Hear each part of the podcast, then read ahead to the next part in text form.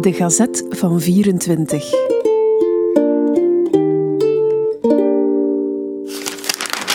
...26 februari 1924. Hieronder een telegram van Moskou in datum van zaterdagavond.